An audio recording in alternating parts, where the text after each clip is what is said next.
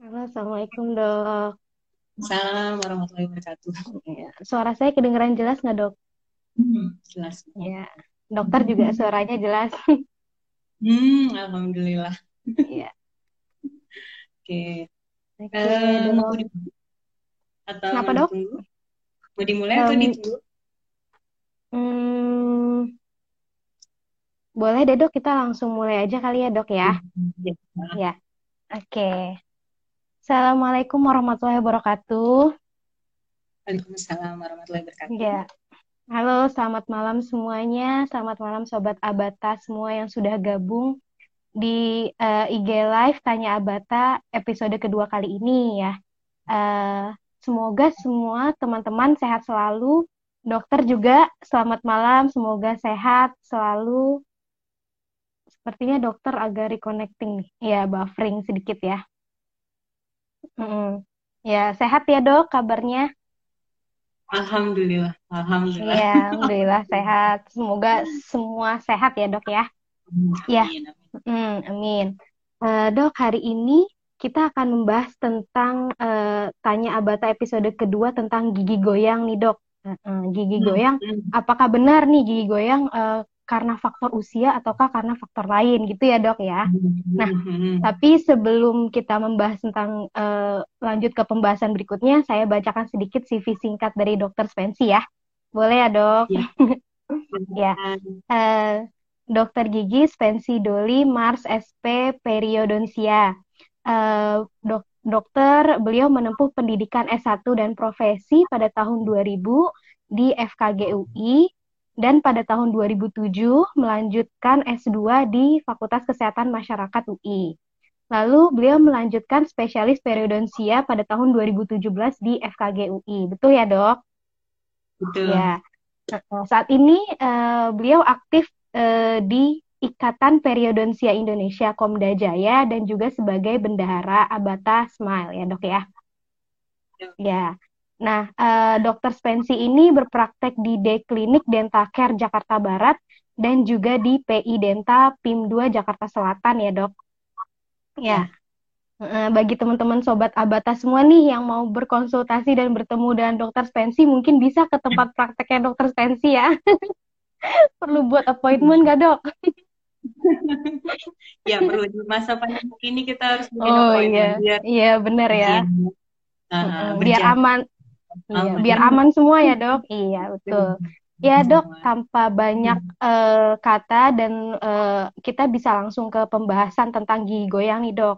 Tapi sebelumnya saya Hmm. ingin mengingatkan kepada sobat Abata semua, bagi yang punya pertanyaan nih tentang eh, seputar gigi goyang atau eh, seputar kesehatan gigi dan mulut lainnya, eh, yang ingin ditanyakan kepada Dokter Spensi, boleh eh, tulis di kolom komentar.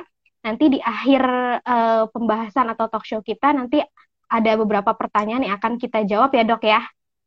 Hmm, Mm, insya Allah. iya, amin. Oke, kita mulai nih dok ya tentang eh, gigi goyang nih dok. Nah, Ya. eh, gigi goyang itu kan biasa dia menyebabkan gigi ompong nih dok atau gigi yang hilang ya dok ya.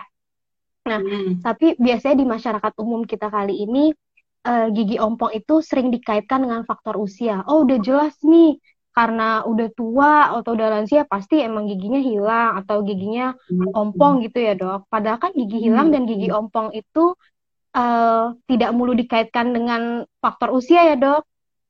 Betul, betul, Eh, betul. Betul. bisa aja, Nah, eh, eh, bisa aja karena gigi yang berlubang besar sehingga tidak bisa dipertahankan lalu harus dicabut sehingga ompong atau juga bisa hmm. karena kegoyangan gigi ya dok ya. Hmm, betul, betul, Mm. betul Nah, sebenarnya eh, apa benar nih dok faktor usia itu mempengaruhi kondisi gigi-gigi di dalam mulut? Hmm, oke. Terima kasih Mbak Vidi. Eh, Dokter Vidi. Oke. Jadi eh, kita tahu bersama ya. Jadi sepanjang eh, perjalanan usia kita, eh, faktor apa sih yang menyebabkan gigi itu bisa goyang gitu ya? Nah, eh, misalnya nih anak kecil, anak kecil itu giginya bisa goyang nggak sih? Bisa. Ya, tentu karena kan ya karena kan mau ganti gigi. Nah, itu gigi goyang juga. Atau misalnya orang yang sedang dirawat perawatan kawat gigi. atau ortodonsi itu pasti giginya sedikit goyang karena hmm. uh, kan istilahnya gigi kalau geser itu pasti ada yang tulang terkikis terus geser-geser-geser jadi ada goyang sedikit. Hmm. Nah, tahu dokter Vidi pasti mungkin udah tahu juga ya kalau sebenarnya gigi kita itu aslinya ada kegoyangan sedikit 0,25 newton lah. Hmm. Kenapa? Karena uh, gigi itu subhanallah ya Allah itu nyiptain gigi itu nggak cuma ditanam di tulang gitu aja jadi hmm. kita jangan ngebayangin kayak paku ditanam di tembok. Terus gimana fungsi gigi kalau kita lagi gigit punya-punya gini? Kan lama-lama kalau kita goyang-goyangin paku kan lama-lama hmm, temboknya bisa rusak, pakunya bisa copot kan. Nah, hmm. kalau gigi itu berbeda. Gigi itu hmm, ada namanya ligamen periodontal. Ini bahasa kedokteran dikit ya. Jadi ada namanya ligamen periodontal ini giginya. Nah, jadi gigi hmm. ini nempel langsung ke tulang ini tulang ya. Nah, mm-hmm. jadi ada lemnya nih, ada lemnya. Nah, mungkin kalau kita ya, kita ligamen periodontal ya. Dan ini subhanallah ya, ini si ligamen periodontal ini luar biasa. Shock absorben. Mungkin kalau Bapak Ibu yang uh, per yang tahu otomotif ya. Tahu kan kalau di mobil itu ada shock breaker ya. Itu kan kalau ada polisi tidur nahan guncangan. Nah, Allah tuh nyiptain ini nih, subhanallah ya, ligamen periodontal ini buat nahan kalau kita lagi ngunyah. Hmm. Itu ada tahanannya. Atau kalau kita lagi ngomong kan kadang-kadang nabrak-nabrak nih. Ya, misalnya sahabat-sahabatnya baca Quran gitu kan. Pasti ada huruf-huruf yang tabrak huruf uh, apa gigi atas sama bawah. Nah, itu ada nih subhanallah Allah ciptain ini nih, ligamen periodontal nih bahasa ligamen periodontal lemnya gigi nah, kalau saya bilang lemnya gigi nah untuk usia untuk usia jadi faktor usia itu sebenarnya ada pengaruh tapi sangat kecil sebenarnya ya. Jadi ada pengaruh tapi sangat kecil. Jadi bagi orang, seseorang yang bisa jaga giginya dari dia kecil, remaja, dewasa, sampai usianya mendekati 60, 70 gitu ya. Kalau dia bisa jaga kebersihan giginya, insya Allah giginya nggak gampang goyang. Dengan catatan dia, beliau itu nggak punya penyakit lain ya. Ada penyakit misalnya osteonekrosis atau penyakit uh, uh, penyakit sistemik lainnya gitu ya. Itu sebenarnya bisa. Jadi kalau terjaga, jadi kita jangan khawatir nih, aduh usia saya udah 30 nih, usia saya udah 40 nih, usia udah usia saya udah 50 nih gitu ya. Jangan-jangan gigi saya lama-lama mulai copot gitu. Enggak. Alhamdulillah. Saya masih nemu kok banyak banget pasien-pasien yang uh, apa usianya udah 60, 70 gitu ya. Uh, masih bagus giginya nggak banyak goyangnya gitu, nggak ada goyangnya. Hmm. Tapi memang syaratnya giginya itu terjaga sikapnya. Jadi hmm. sebenarnya uh, kalau misalnya ditanya, ah tambah usia ngeri nih lama-lama gigi saya copot gitu ya. Hmm. Kalau kita bisa jaga, kita cegah nih dari sekarang nih.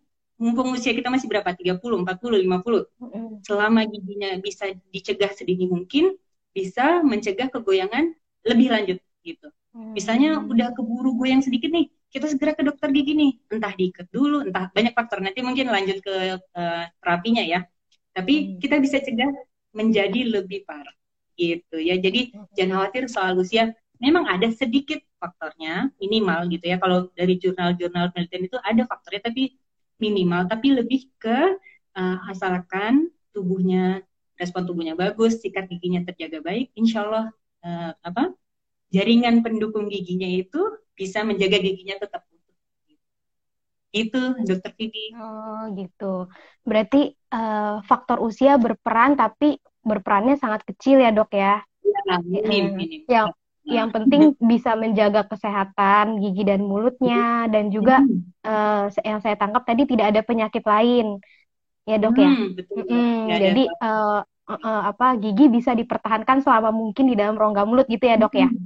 Oh, ya, gitu. Oke. Okay mm, berarti tuh ya teman-teman eh sobat abata semua berarti faktor usia tuh mempengaruhi tapi berperannya kecil ya tapi yang paling berpengaruh itu adalah menjaga kesehatan gigi dan mulut sehingga hmm. gigi bisa kita pertahankan selama mungkin ya dok ya Iya betul betul betul. Hmm. Pokoknya jangan bosan-bosan. Kalau misalnya datang ke dokter gigi, eh kok dokternya bukannya ngobatin saya langsung, kok malah ngajarin sikat gigi. Nah itu sebenarnya dokternya uh, jagain supaya tekniknya yang tepat gitu ya. Hmm, Terus yeah. Iya. uh, gimana caranya supaya giginya itu walaupun sederhana tiap hari dikerjakan sikat gigi minimal dua menit gitu ya, dinikmati gitu ya. itu bisa kita uh, jagain gigi kita sampai berumur usia lanjut gitu ya. Jadi gigi asli bisa dipakai gitu istilahnya ya. Iya. Oke, gitu ya dok ya. Nah dok, kalau misalkan nih uh, banyak masyarakat umumnya yang bilang kalau misalkan uh, gigi hilang nih dok, uh, pasti sebelum giginya copot atau lepas itu merasakan kegoyangan gigi dok. Nah sebenarnya hmm. yang menyebabkan gigi itu bisa goyang sebelum copot tuh apa sih dok? Oke. Okay. Uh, eh, jadi jadi sebelum copot goyang dulu ya. Hmm, gitu ya maksudnya. Goyang dulu. Uh -uh. Oke. Okay. Jadi ini uh, jadi banyak faktor penyebab goyangan ya. Ini karena terkait hmm. sama usia. Jadi saya lebih fokus ke soal uh, usia gitu ya. Oke. Okay. Hmm. Di luar uh, penyakit ataupun uh, trauma, misalnya nih orang ke pentok apa raket tenis gitu misalnya ya, mm, atau anak kecil yang tadi cabut gigi itu uh, faktor berbeda lagi. Ini karena terkait usia biasanya biasanya umumnya itu karena periodonsiumnya atau jaringan pendukung giginya rusak. Ya, ini saya kasih contoh ya. Mm. Nih, ini kan gigi ya, kelihatan nggak sih? Ini kan gigi ya. Nah, lihat nggak di sini ada karang? Ada karang Agak ya? Ke atas sedikit dok. Oh iya, sorry, sorry, sorry. Nah, iya, iya. Nah, iya. Ini kan ada karang gigi ya. Nah, mm -hmm. percaya nggak kalau karang gigi ini nggak cuma di sini. Kalau kita angkat lagi giginya, tuh tumbuh sampai ke akar. Oh nah, iya. Ingat kan tadi saya bilang soal ligamen periodontal, ligamen mm periodontal, ada lemnya gigi ya. Nah ini mm. ya. Jadi bayangin tadi si akar karang gigi itu tumbuh ke dalam sini. Nah akhirnya lemnya mm. lepas dong karena ada karang mm. keluar. Nah dibiarin nih, ah kata apa-apa karang ini apa sih bisa yang penting nggak sakit nah biasanya gitu yang hmm. penting nggak sakit mau apa ya ada karang ini udah dibiarin didiemin terus terus karangnya tumbuh terus loh karangnya hmm. tumbuh terus ke dalam ke dalam ke dalam jadi apa yang nggak kelihatan mata belum tentu itu yang sebenarnya gitu ya jadi apa yang nggak kelihatan jadi kesannya di luar bersih tapi karena di luar ada cuma sedikit ternyata dalamnya tumbuh terus nah kalau dia tumbuh terus ke sini ya tumbuh terus tumbuh terus tumbuh terus sebenarnya apa yang terjadi? Si bakteri yang ada di sini, kan ini nggak ada oksigennya kan? Ya kan? Karena ini ini bayangin ya, ini di dalam gusi nih. Kayak ini kak gigi, ini gigi, ini ini tulang nih. Jadi ini ketutupan gini ya. Nah, di dalam sini ada bakteri. Nah, bakterinya itu bermutasi. mutasi kayak pahlawan-pahlawan itu ya, mutasi ya. Jadi misalnya berubah bentuk gitu. Jadi Spiderman. Nah, bedanya si bakteri ini jadi jahat gitu lah jadi oh, bakteri patogen yeah. gitu. Nah, karena dia berubah jadi bakteri jahat gitu. Hmm, jadi uh, tulang sama ini tadi apa istilah baru kita? Ligamen periodontal. Ligamen lem gigi ya.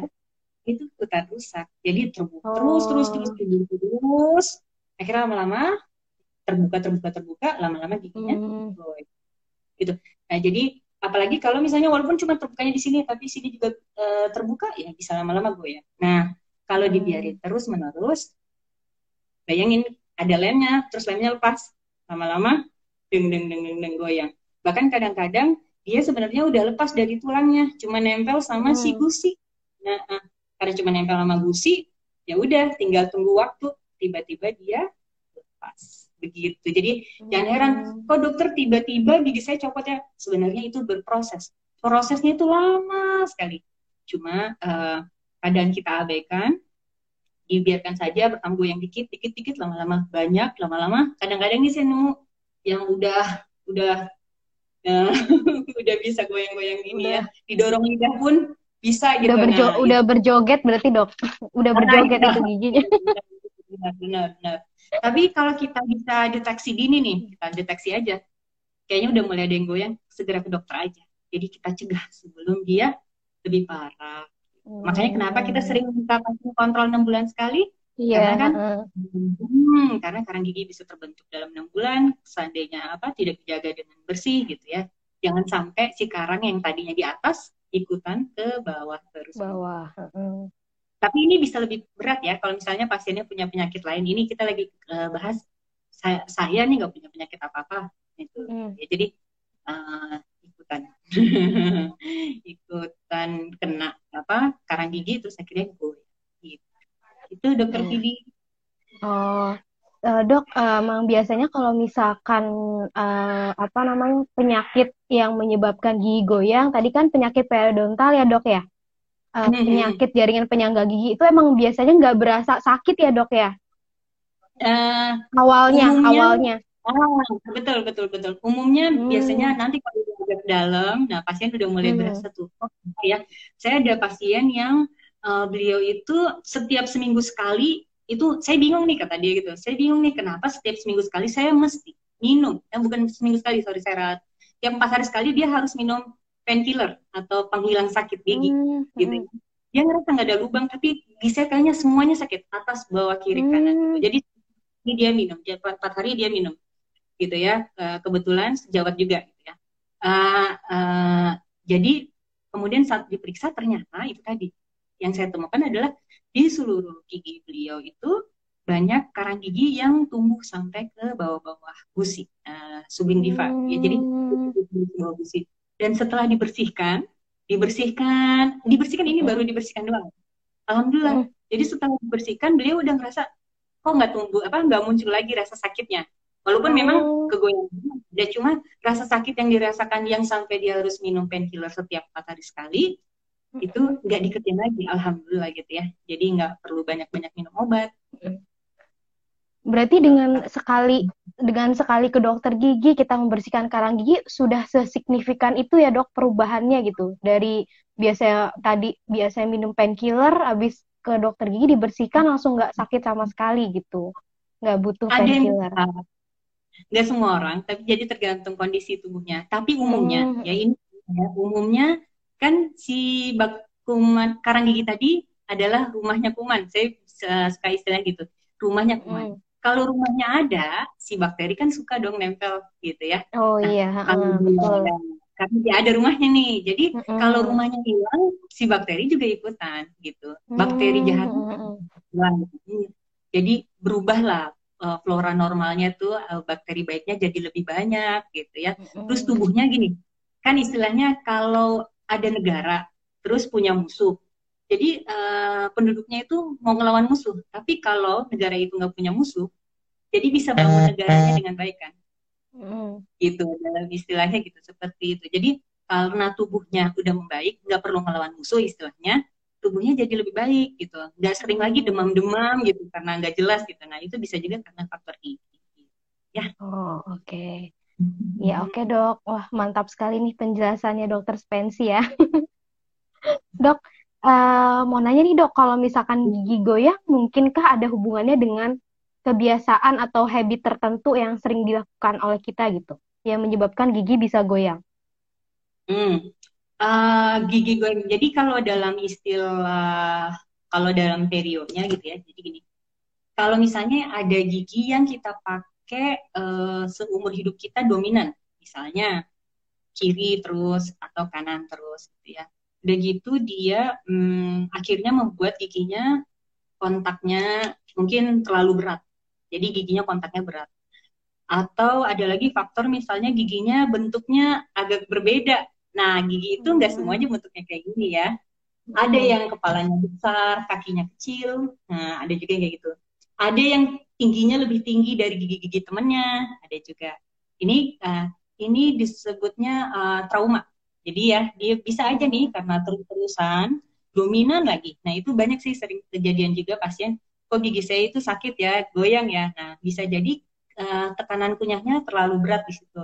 Kalau kayak gitu periksa ke dokter, nanti dokter akan bantu sesuaikan sesuaikan gigitannya supaya sama. Ini sama kayak kita ada paku nih, paku paku paku paku paku. Mm. Ada satu paku sendirian berdiri. Jadi begitu mm. dipalu dia yang gerak sendiri. Tapi kalau dia sama seluruh pakunya, semua tekanannya jadi rata semua gigi gitu ya. Mm. Nah, mendingan di dokternya uh, lihat apakah memang ada faktor itu gitu ya. Mm. Selain selain itu selain itu ini ya tadi faktor penyakit periodontal misalnya karang gigi yang dibiarin tadi itu juga jadi faktor gitu ya itu salah satu begitu hmm, atau misalnya berarti... pasien yang suka itu ya pas tidur greget-greget itu juga berat sebenarnya oh, mengg menggertakkan gigi ya dok ya hmm, hmm. Oh, ya. atau misalnya orang, atau ada orang yang suka gini kalau lagi stres dia gitu gigit kencang. Nah, itu juga. Gigit kencang Jadi, juga, iya. Bisa oh. juga, tapi uh, itu semua kan tadi saya bilang ya, ini kan gigi ada lemnya, shock absorber. Saya jadi sih dari suami saya sih shock absorber itu apa buat nahan guncangan. Nah, kalau kita mm. ini uh, jadi si ligamen periodontal atau lemnya gigi ini mampu menahan tekanan-tekanan. Tapi kalau tekanannya ringan, dia sebenarnya mampu bisa gitu ya. Tapi kalau terlalu berat terus menerus itu bagikan batu ditetesin air terus menerus kan lama-lama bolong juga ya hmm, kayak gitu jadi ya, betul betul ini udah Allah udah nyiptain bagus banget ini ya gitu ya. Jadi kita jagain selama mungkin ya. Ya.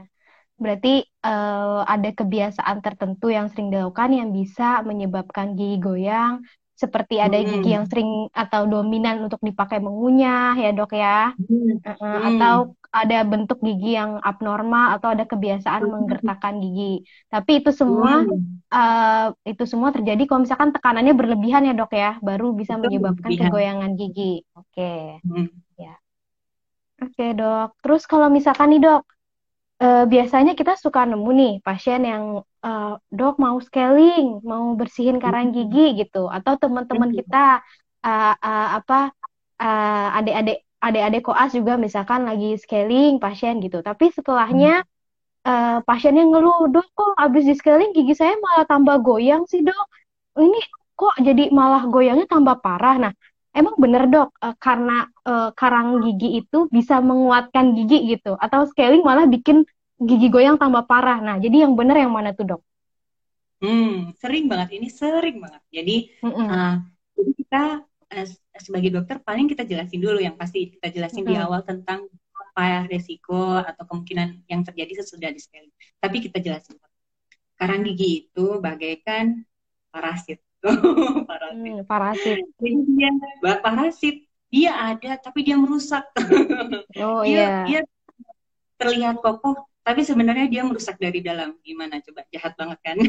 Mm-hmm. Jadi gigi pas dia uh, goyang gitu ya sebentar saya lihat jadi gini memang gini uh, ketika seseorang gak bersihin karang gigi terlalu lama ya karang giginya jadi keras kan dan kaku jadi depan belakang itu kesannya uh, apa kesannya ini ya kesannya uh, bisa berdiri gitu ya nah hmm. yang dia nggak tahu ada apa kayak tadi saya cerita karang gigi itu kan rumahnya kuman rumahnya ya. kuman hmm. betul nah rumahnya berarti dia membangun ke atas, membangun ke bawah. Dibiarin lama-lama, dia terus merusak dari dalam. Tek, tek, tek, tek, tek, tek.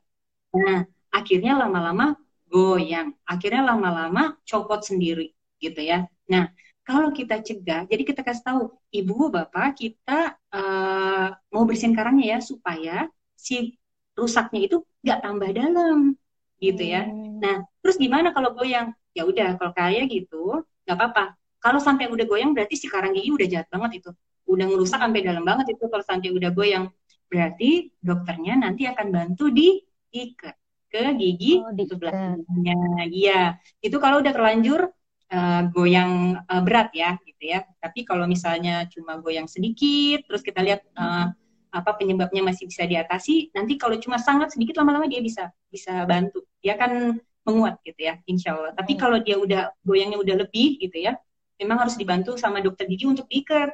Dan terus diperbaiki uh, apa si tulang sama gusinya tadi. Jadi kalau udah diperbaiki tulang sama gusinya kan, kayak tadi saya bilang, kalau nggak ada kuman, tubuh bisa bangun dirinya sendiri, ya kan?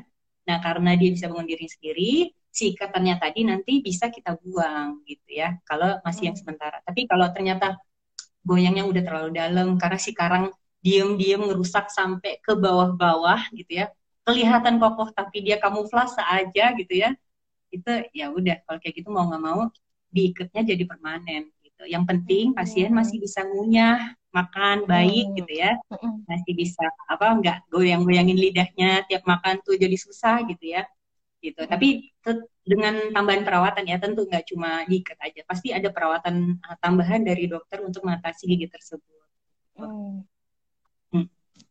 Oh, begitu ya, Dok. Berarti sebenarnya karang karang gigi itu dia meng menguatkan tapi kamuflase nih berarti sebenarnya. Hmm, dia sebenarnya uh, parasit ya. Dia baik di depan loh, baik di depan. dia terlihat menguat. Dia terlihat menguatkan, tapi sebenarnya dia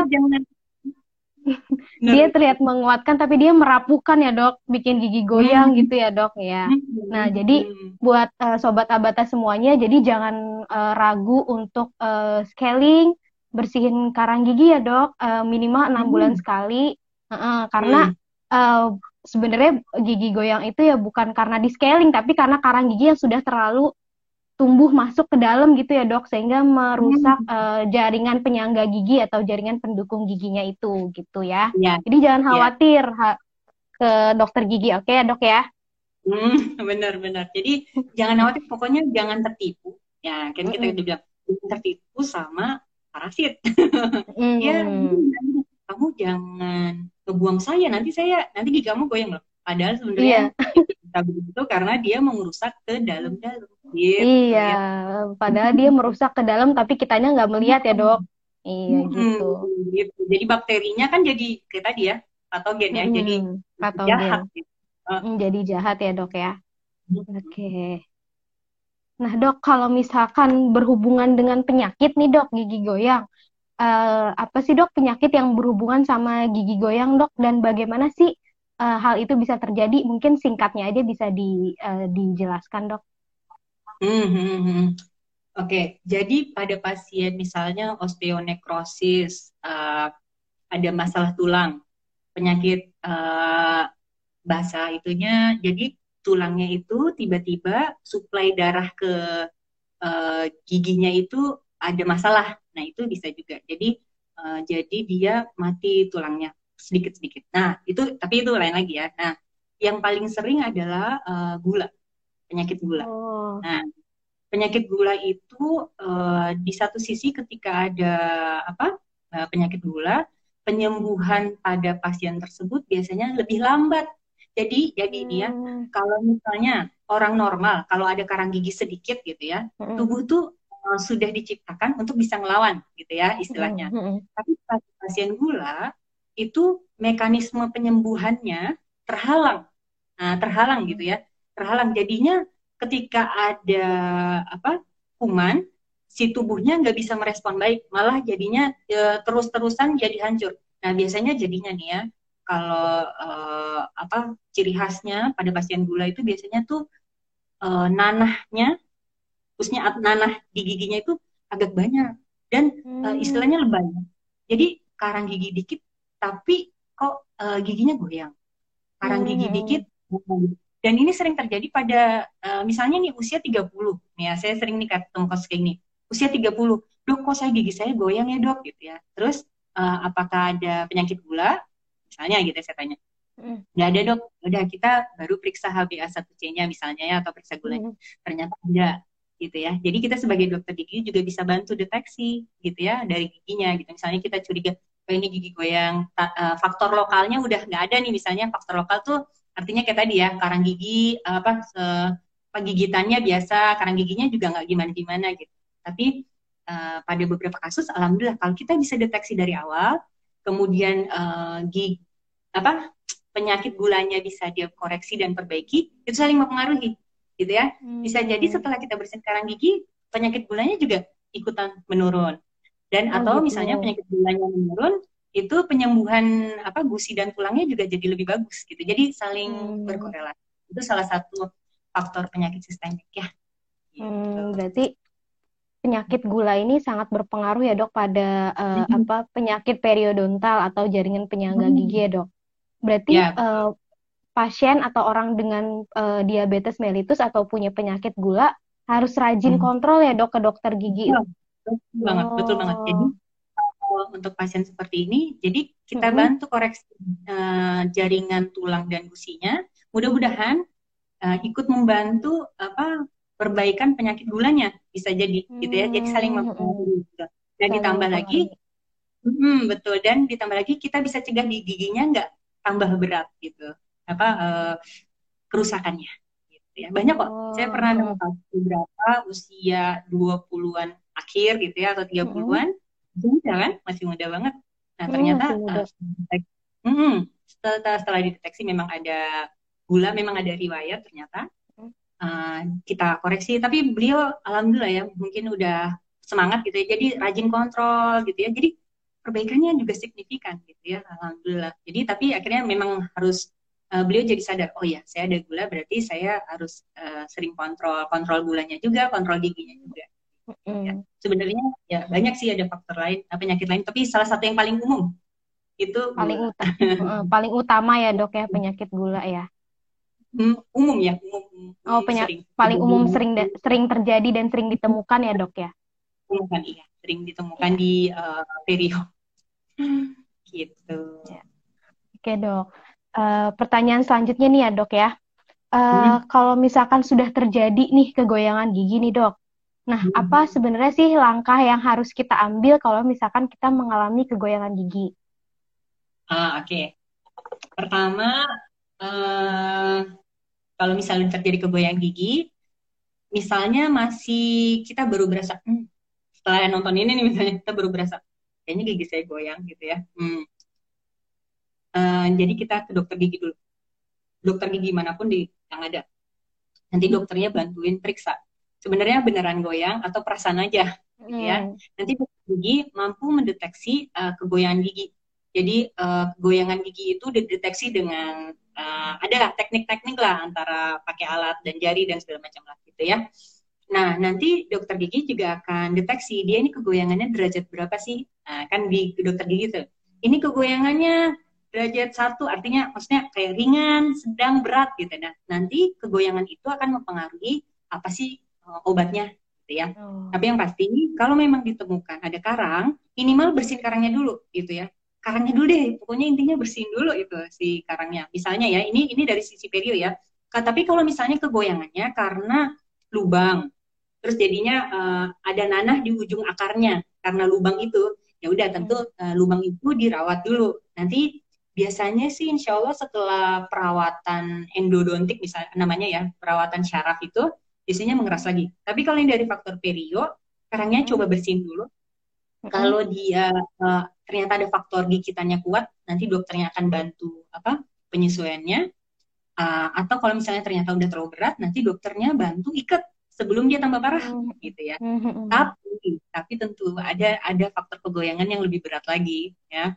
Kalau dia dia udah terlalu berat, gitu ya, derajat tiga misalnya, udah hopeless gitu lah, udah nggak bisa, ya udah. Mm. Nanti dokter akan bantu uh, buang giginya, terus digantikan dengan gigi palsu. Paling gitu ya. Mm. Jadi uh, ke dokter gigi dulu aja biar diketahui ini nih apa sih kegoyangannya parah nggak sih ringan sedang atau berat nggak sih jangan ini jangan apa takut maksudnya ah kayaknya udah berat nah, jadi ada ada apa diagnosisnya jadi nanti dokternya akan bantu ya Iya, berarti dok. Oh iya, uh, tadi ya, artinya ya.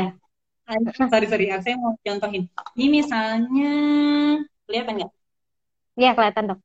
Ah, kelihatan dia. Nah, misalnya giginya goyang, nanti akan diikat seperti ini, gitu. Hmm. Nah, akan diikat kayak gini. Namanya splinting, bahasa baru ya, splinting. Jadi ngikat ke gigi ya. sebelah ya. Nah, bisa begini, atau kalau misalnya malu kelihatan kawatnya, nanti bisa dipasang dari belakangnya. Kayak gini, ini kan nggak kelihatan apa-apa ya. Nah, tapi ternyata diikatnya dari belakang. Gitu. Oh, kelihatan? dari belakang gigi ya dok? Jadi nggak kelihatan ya? Hmm ya kalau yang mau estetik gitu bisa tapi ini apa pun ini ada apa istilahnya klasifikasinya lah nggak semuanya bisa tetap jadi uh, jadi kalau misalnya dilihat dokternya masih bisa pilihan salah satunya kita gitu biasanya ya jadi kalau udah keburu goyang dan nggak bisa keras sendiri gitu ya paling kita bantu dengan ikat dulu. Terus kita perbaiki si tulangnya fungsinya nanti kira-kira udah berhasil baru dilepas. Tadi jadi jangan khawatir nanti itu kawat lama-lama gitu loh. Bisa dilepas. Tapi tapi catatan kalau ternyata udah nggak bisa ya udah berarti kawat itu akan lama akan permanen di dalam mulut hmm. gitu ya. Tapi nanti kawat bisa juga sih di kamuflase misalnya dokternya akan ngasih bahan supaya warnanya kayak gigi gitu ya oh, sewarna sama gigi gitu ya dok uh, bukan apa bukan akhir kehidupan lah istilahnya ya. Jadi jangan khawatir ya. Tapi kalau udah goyang apa tadi joget dangdut, nah itu hmm, kemungkinan ya. Tapi kemungkinan aja sih kemungkinan cabut kemungkinan gitu ya. Tapi ya udah periksa ke, ke dokter gigi dulu ya kalau di koas dulu istilahnya goyang dompet dok wah iya iya. Ya itu dia. udah nggak bisa dipertahankan. Nah, ya dok berarti kalau misalkan kita mengalami kegoyangan gigi nih dok jangan langsung ini ya dok beranggapan oh ini udah parah nih harus dicabut. Berarti nggak semua